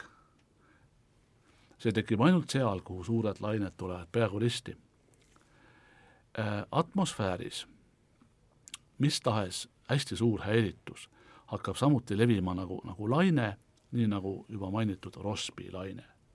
laineharjad liiguvad alati lääne poole ja kui need laineharv, harjad jõuavad Ameerikani, samasugused lained on ka ookeanis, hästi väikesed, me ei suuda neid mõõta. aga kui nad jõuavad ükskord Ameerikani, siis nad seal murduvad ja need, siis tekib voolamine. ja see voolamine on golfihoovuse algne põhjus, seda ei saa vältida. golfihoovus võib nõrgeneda, sõltuvalt sellest, kuidas tuuled puhuvad, aga iga häiritus, mida kõrge ja madal rõhkkonnad kuskil Atlandi ookeanidel teevad, veetasemega. veetase töötab ju nagu pööratud baromeeter. on meil natuke kõrgem õhurõhk, veetase madalam. ja sellest patsutusest sünnib Rossby laine, mis hakkab Ameerika poole minema. ja kui tema jõuab sinna Ameerika randa, siis tema kannab endaga kaasa ka impulssi ja see impulss on, on, on üks päästikutest, mis käivitab golfihoovuse. siis lained, mis põrkavad vastu Ameerikat, tulevad siis, hakkavad hakkavad sealt siis siiapoole Salman Nende impulssidest tekib see. See on ras-, noh jah, ma mõistan, seda on raske ette kujutada, iga patsutus veepinnal väikeses mastaabis tekitab pinnalaine. Mm.. vältimatult viskame kivi vette ja. või putukas on vee peal, ikka pinnalaine. Mm.. suured patsutused tekitavad Rossby laineid, need haaravad kogu veemassi ja nad alat-, nende harjad liiguvad alati lääne poole. Mm. -hmm ja nendega koos liigub natuke impulssi. ja see ei kao, kui tema jõuab, jõuab Ameerikani. ja see impulss tekitab piki randa suunatud hoovuse no,.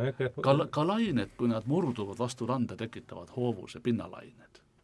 see on ju näha, kui visata tükikene, ma ei tea, puru äh, sinna, kus lained ei murdu, püsib, püsib puru, puru paigal. kui visata sinna, kus lained murduvad, hakkab puru liikuma nojah, ja alguses seda tulebki mööda Ameerika rannikut, eks, kui ma nüüd õigesti mäletan seda püsti. miks ta laine poole või lääne poole tuleb, see on tõusu ja mõõnaga seotud? ei, see on meie maailma struktuur. et ma, et maakera pöör-, pöörleb niipidi. pöörlemise. aa, maailma pöörlemisest. jah seetõttu golfihoovuse olemasolu on parim tõestus selle kohta, et maa ei ole lapik kas vastastel on selle kohta ka mingi argument? Kindlasti, et see on suur pump. Kuidas selle, äh, mis on see? Habemenoa, kuidas sa selle habemenoa äh, testile vastu peab, see argument? see, et noh, peaks olema suhteliselt äh, lihtsad, lihtsat selgitust tuleks keerulisele eelistada, et kuidas see pumb, pumba lugu sellega nagu kus, kus pumbas, kus täitsa huvitav kutsuda, kutsuda mõni selline Lapikumaa tegelane ka siia, vaata, mis tema äh, kokku räägib. nii, mis tekib, muljet teis, Aili, tekitas kogu see? tahaks veel kuulata tahaks veel kuulata, just täpselt, mina olen juba jube palju õppinud. joo, nii põnev. rääkige. mina tahaks kuulata seda, kuidas elu tegelikult käib. et nagu siin juba oli mainitud, et parim teadus on see, mis maailma adekvaatselt peegeldab ja praegu mis on peegeldamata teaduses, on, et kuidas sünnib looming. me ei tea. me ei tea, kuidas sünnib looming, me ei tea, mis toimub, toimub inimeste ajudes, me ei tea, kuidas toimivad suured ühiskonnad, suured kogukonnad, kuidas oleks võimalik vältida islamiterrorismi, kuidas oleks võimalik inimestele headust süstida, tolerantsust süstida, me ei tea. tahaks teada. seda saab teada selle kaudu, kui inimesed endast räägivad. Jah, siin on nii, et siis ei jõuaks neid lugusid kõiki ära kuulata, sellepärast et küllap ikkagi on noh, see vana tõdemus tõsi, et iga inimene on omaette, omaette universum. et korduvad mingid mustrid, aga lõpuks on iga, igaüks on ikkagi täiesti, täiesti unikaalne. Õnneks. jah. ma kirjutasin siin endale üles, et see, mm, see teema tuli siit nüüd läbi selle koorekohvisse kallamisega, et mainisite, et see iseorganiseerumise printsiip või, või selle mõju avastati hiljuti, et mis selle, kuidas me seda hiljuti peaks, mis, kuidas seda peaks siin tõlgendama ja võib-olla sellest natuke, siis, siis sellele väitele natuke rohkem äh, liha ümber luudele? Mul loomulikult ei ole need aastaarvud Jaa, ei, ju, ju jah meeles. suurusjärkudes on enam-vähem, millest me siin räägime? umbes viiskümmend aastat, mitte rohkem ja pigem vähem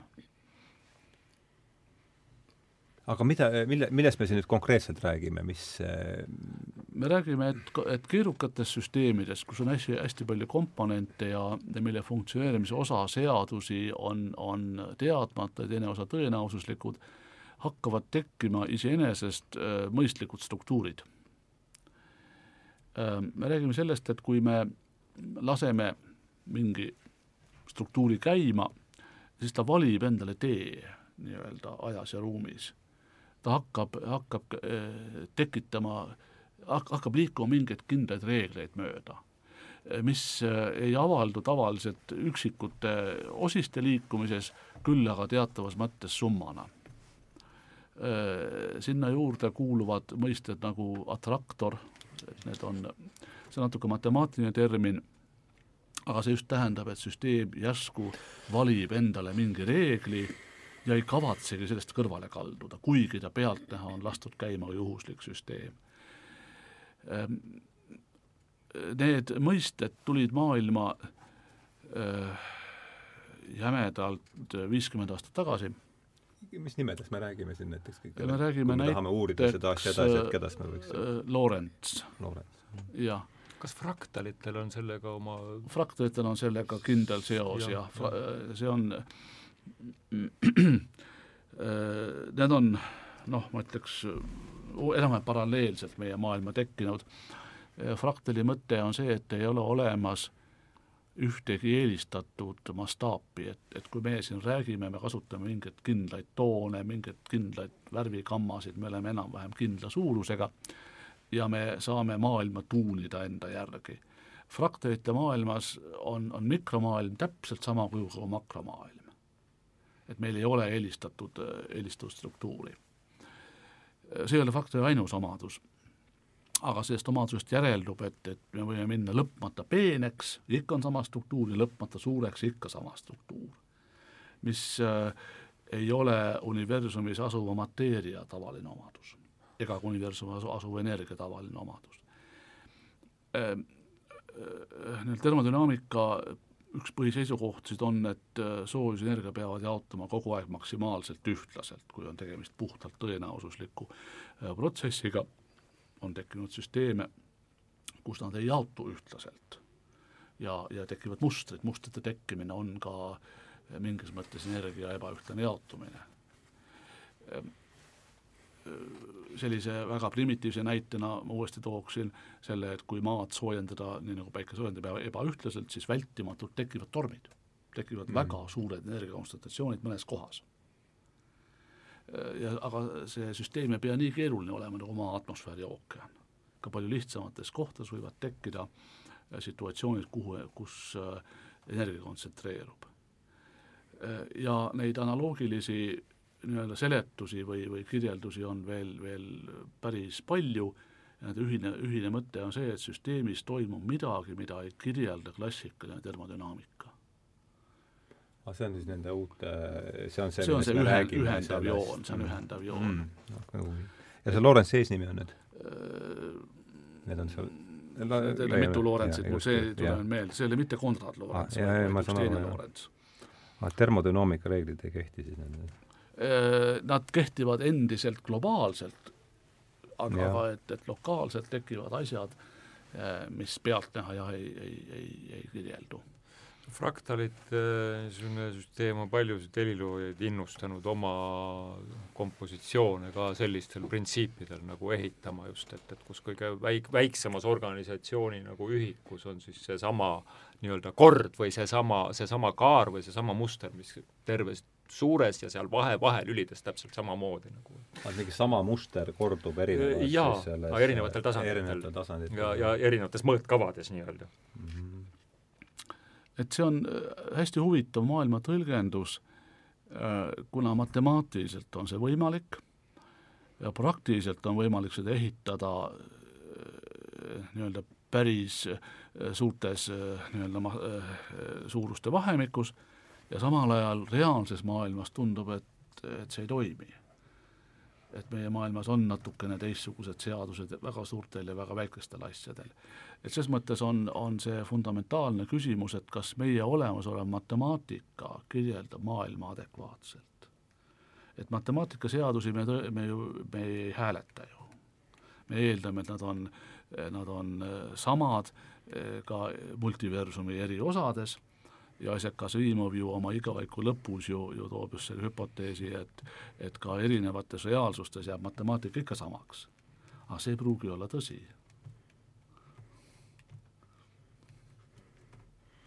Ja siin on sellele küsimusele, kas olemasolev matemaatiline või olemasolev matemaatika peegeldab maailma adekvaatselt, ma kujutan ette, sellel on vähem, vähemasti kaks koolkonda midagi inimesest et mis enamus inimesi ei julge seda küsida mm.? Ehm, teaduse areng on ju natuke naljakas, et, et teadus areneb siis, kui olemasolev teadmine ümber lükatakse. See, et teadus ei paku tõde, veel vähem lõplikku tõde, eh, seda ju teadlased ei tahtnud pikka aega aktsepteerida. tänaseks on seda aktsepteerima hakanud järjest suurem hulk inimesi ja teadus ei paku tõepoolest lõplikku tõde, teadus, mida ta pakkuda suudab, on parimal võimalikul moel organiseeritud informatsiooni. rohkem ei ole aus olles võimalik öelda. Ja sealt tulenevad nagu väga niisugused olulised järeldused ka, ka matemaatika ja füüsika kohta, et kui Newtoni seadusi me saime täpsustada koos äh, relatiivs-, relatiivsusteooria tulekuga, et valguse kiirusele lähedaste kiirustega kiirustel muutuvad asjad, muutub asja mass, muutuvad omadused, muutub aeg, siis matemaatika puhul ei ole julgetud seda küsimust küsida.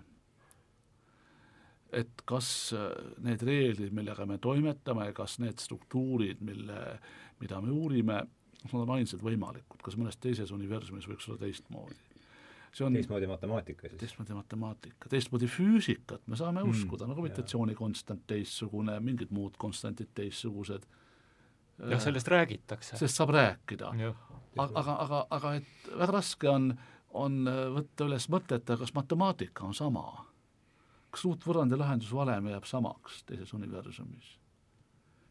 kas võrrandid, mis äh, kirjeldavad jäävusseadusi, kas nad on samad? et need on äh, eksistentsiaalselt rängad küsimused. ta on nii teisel pool silmapiiri ikka mm. jah. jah. Aili, te muutusite murelikuks selle jutu peale, et ei, ma vahepeal mõtlesin valguse peale. nii, ma tahtsin küsida, mis asi on roheline kiir, kuidas see tekib? ma räägin ette, ma olen näinud seda rohelist kiirt. see oli siis, kui oli päikeselooja. sa räägid sellest päikseloojangu rohelisest kiirest, mis tekib, jah.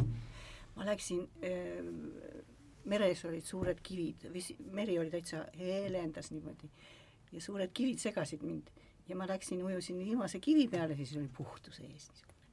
ja siis, kui see päikene puudutas silmapiiri, siis ausõna, uskuge mind, mul see, sealt tuli üks tugev kiir otse mulle, puudutas mu silma. ja, ja ta oli niisugust värvi, mida looduses üldse ei ole näha. no erilist värvi niisugune mul läheb suu vett täis ma sellest räägin. ja nüüd ma rääkisin ja rääkisin seda ühele eh, mehele, kes oli füüsik. ja ta hakkas mulle seletama, aga ma karjusin ta peale, ära räägi mulle, ma ei taha, see on nii müstiline. ja siis ma salamahti hakkasin ise uurima, mis asi roheline kiir on. ma sain ühe raamatu kätte, kus, kus Põhjamaa inimesed eh, on öelnud, et kes näeb rohelist kiirt, see teab rääkida armastusest. Ja aga, aga ma mõtlesin, ikka jäi mul no, no niimoodi kripeldama, et ma täna küsin teie käest mis on füüsika seisukoht? kuna mina ei ole seda oma silmaga näinud, siis suudan ma rääkida ainult füüsikast ja matemaatikast ja,. jah, jah, seda ma tahangi kuulata. Ehm, jah, selle taga on füüsika, eh, aga et ähm, see füüsika on natuke liiga keeruline ka, ka minu jaoks, siis ma ei ole suutnud seda füüsikat ära õppida. seal taga on äh, valguse lahutumine üksikosadeks, nii nagu, nagu prismas, et äh, see atmosfäär ja, ja nii-öelda horisont, see, mis seal on, moodustab midagi prismataolist, et, et see valgus jaguneb erinevateks äh, spektriosadeks ja millegipärast siis kipub see roheline vahest domineerima. roheline, see on, see on vikerkaare värvid. tegelikult on valguses ju vikerkaare värvid kõik olemas. miks just see ja miks just, eks ole, et see on mm. nüüd antud konkreetsetel tingimustest kuidagipidi, siis peab tema sõltuma. jah, jah. aga no ta on haruldane.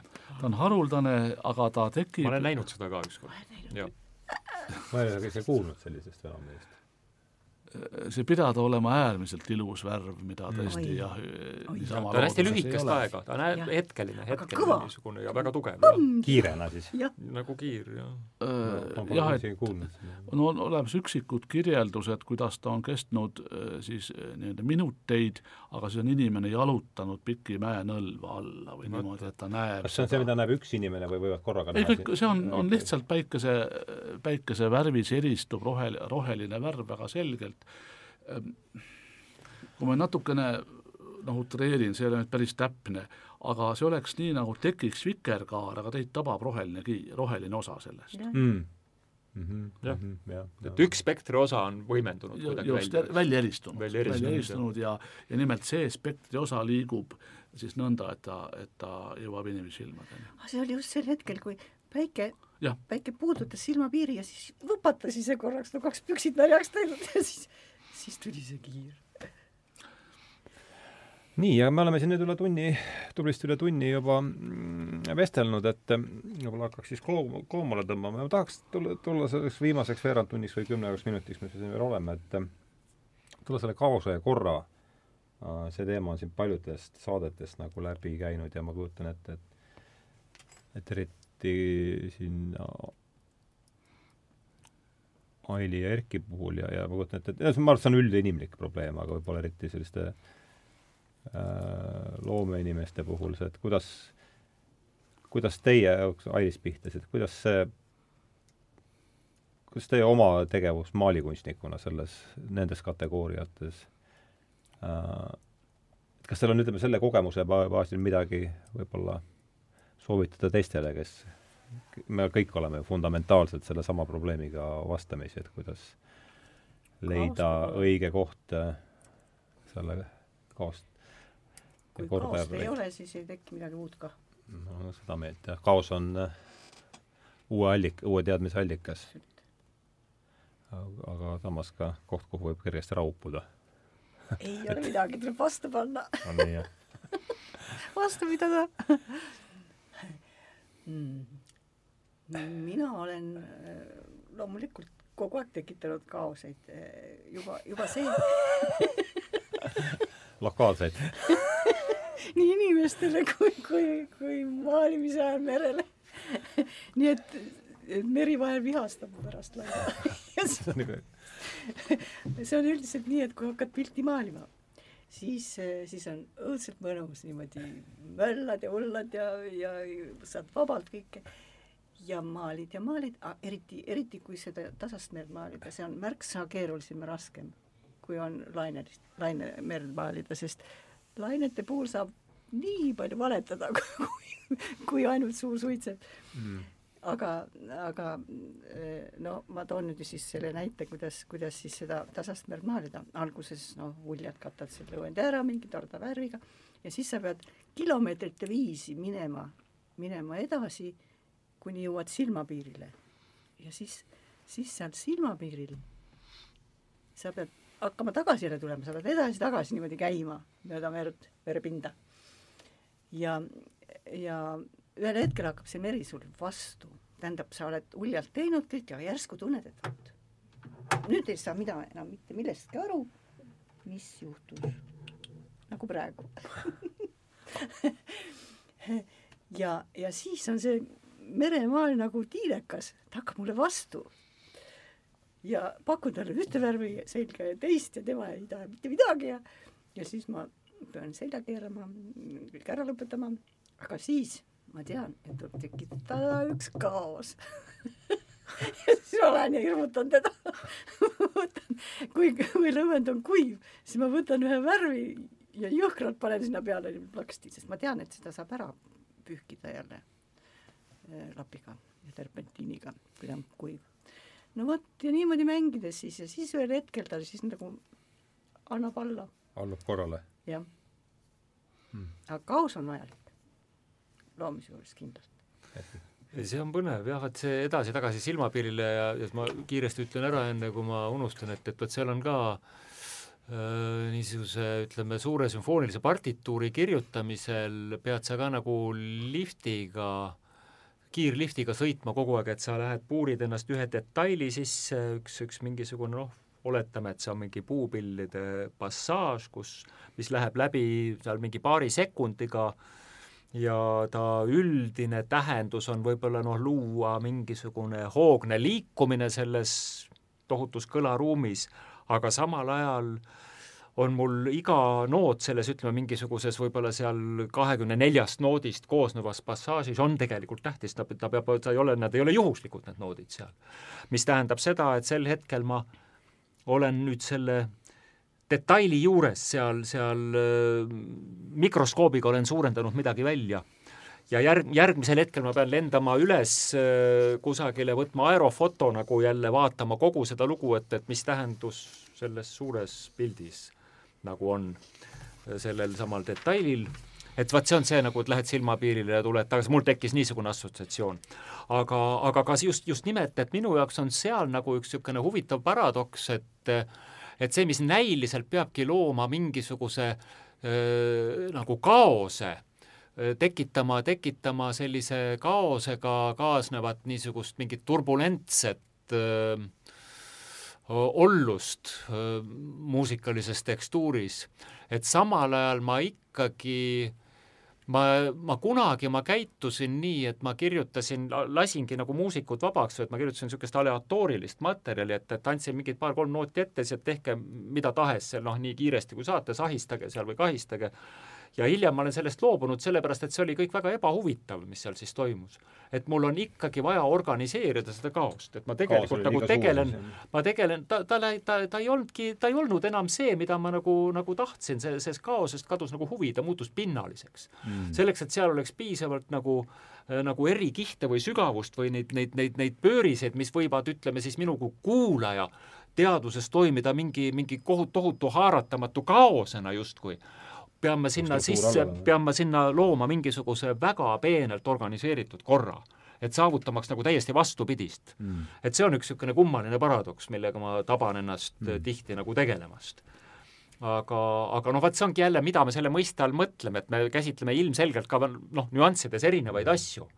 et, et, et see, see võib olla ka see, et, et mul seesmine mingisugune nagu niisugune öö, situatsioon, kus ma psüühiliselt viibin või et, et ka seal on see, et ma, ma pendeldan mingi, mingi ütleme, kaose ja korra vahel või ma otsin korda mingis kaoses või ma leian mingit kaost mingisuguses korrapäras, et et need on, need on noh, asjad, mida ma ei suuda nagu lõpuni defineerida, aga ma olen nendega pidevalt kokkupuutes, kui ma, kui ma muusikat kirjutan, see on tõsi.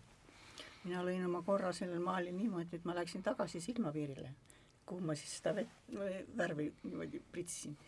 ja siis, siis ühel hetkel ma tundsin, et ma, et nüüd tuleb välja ja ma ja sahkerdasin seal mööda pintsliga mööda silmapiiri, hoolega siis oli uksekell. ja sealt oli nii raske tagasi tulla, ma mõtlesin, no ja lõpuks ei jäta järgi see kell ka. ja siis ma lähen teen ukse lahti ja tead, kes seal oli, ukse peal oli? Oli Ott Arder, sõbruke, kes ütles niimoodi, ma läksin siit mööda ja mõtlesin, et sul on siin igav et tule lõbustan sind natuke. kaose sisse loodi teine kaos. ja siis, siis oli niimoodi, et kui ma tegin Otile selgeks, et ei, ei, mul ei ole iga ja Ott siis ära läks, siis ma ei saanudki enam sinna silmapiirile tagasi. ja ma mõtlesin, et sah, nüüd jääb pilt näitusele andmata. Läksin jõle nukralt koju, ei saanud öösel magada, hommikul vara, kui oli pime, me Tommiga ju ühes ateljees ja võistu niimoodi jooksime, kes enne jõudis ateljeesse, see oli uhke tegija ja teine konutas nurgas. väike ruum oli meil.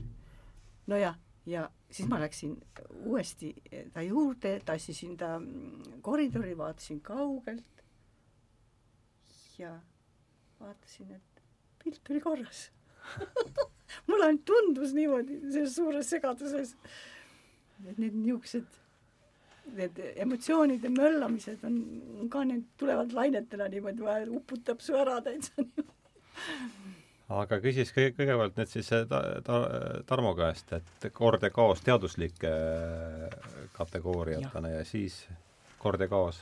jah, eks Tarmo Soomere elust. Naudin korda ja kaos, korda ja kaost, noh näiteks Salvador Dali see kuulus, äh, kuulus Abraham Lincolni portree, mis on samal ajal ju Vahemere vaade või kuidas tema ametlik nimi on, sõltub sellest, kui kaugelt vaadata, et see on see, see, kuidas üks asi muutub teiseks on, on kunstis äärmiselt eredalt esile toodud. aga sama eredalt või võib-olla veel sügavamalt on see omal kohal hüdro, hüdrodünaamikas. Kui me võtame vee liikumist kirjeldavad võrrandid, mis on sisuliselt impulsi jäävuse võrrandid, impulssi me teame, mis see juba on, et iga kiviga on kaasas impulss ja see saab ainult muutuda, see ei saa kaduda siis neid võrrandeid, mis on äh, välja kirjutatud siis vee liikumise jaoks, neid hüütakse Navier-Stokesi võrranditeks, vahet pole, mis nende nimi on. aga et neil on üks omadus, mis äh, teadlastele üldse ei meeldi. Nendel, nendel võrranditel on ühene lahend olemas ainult mingi väga lühikese kindla ajavahemiku jooksul. see on matemaatikute jaoks äärmiselt ebameeldiv aspekt, et kui me kohvitassis lükkame vee käima ja püüame seda eh, siis oma äh, arvutil reprodutseerida, siis me suudame seda teha ainult lühikese ajavahemiku jooksul, edasi me ei tea, kuhu vesi tegelikult läheb. ja samas tegelikult ega siis vesi ei plahvata, ta ju jääb edasi käima. ainult meie lahend ei suuda seda reprodutseerida et niimoodi ist-, istuvad ka kaasaja nii-öelda teaduse viimases sõnas üksteise kõrval või lausa vastupidi või lausa ühes teetassis koos kaos ja kord mm.. ja sellest ei saa üle ega ümber. seda probleemi on uuritud praeguseks rohkem kui sada aastat, kui neid võrrandeid õige veidi modifitseerida, näiteks lisada veele magnetilised omadused ja, ja seda kõike magnetväljas vaadata, saab ühese lahendi. aga meie reaalses vees, meie reaalse maa peal ei saa. Teadlased ütlevad, et siis on bifurkatsioon, et me, et, et vesi võib minna või vasakule või paremale, aga me ei tea, kuhu ja me ei tea, kes valib. aga ookeanis ta ikka käib ringi ja on käinud miljoneid aastaid. Äh, nii et paistab, et meie universumi struktuur on selline, et kaos ja kord peavad kõrvuti olema.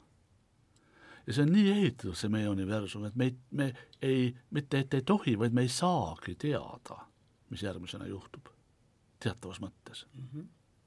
ma ei kasuta sõna tohi, äh, universumil ei pruugi olla tahtlust, aga kaose korra küsimustes Äh, me peaksime mõtlema kriips laiemalt ja mõistma, et on, äh, on küsimusi, millel polegi vastust. ja ei saa kunagi olema. see on ühe turbulentsi spetsialisti äh, mõtte parafraas, et, et ta olla nii-öelda vanamehena äh, korra öelnud, et kui ta ükskord teise ilma läheb ja Jumalat näeb, ta küsib, et kuule, et no miks sa lõid turbulentsi? Ja samas on ka teistpidi anekdoot, et kui Stephen Hawking suri, et siis kui ta jõudis siis paradiisi väravani, siis tuli Jumal talle vastu ja küsis, et kuule, seleta mulle nüüd ära, kuidas see minu loodud maailm tegelikult töötab nii, aga see kaks head lugu. see on kaks head lugu jah, millega see mm, saatele siis tõmmata joon alla, et ega ei oskagi muud öelda, kui jätkame siis niimoodi turbulentsis äh, niimoodi, kes, kes kuidas ja ja, ja tänan teid tulemast saatesse, et väga, minul oli väga huvitav, ma loodan, et kuulajatel samuti ja ja, eetris oli siis jah, kahekümnes saade äh,, saares tähendas teejuhid, saatekülalisteks olid Alje Vint, Tarmo Soomere, kes on Tüür, mina olen Aldo Pajula. head õhtut ja tänan teid veel kord!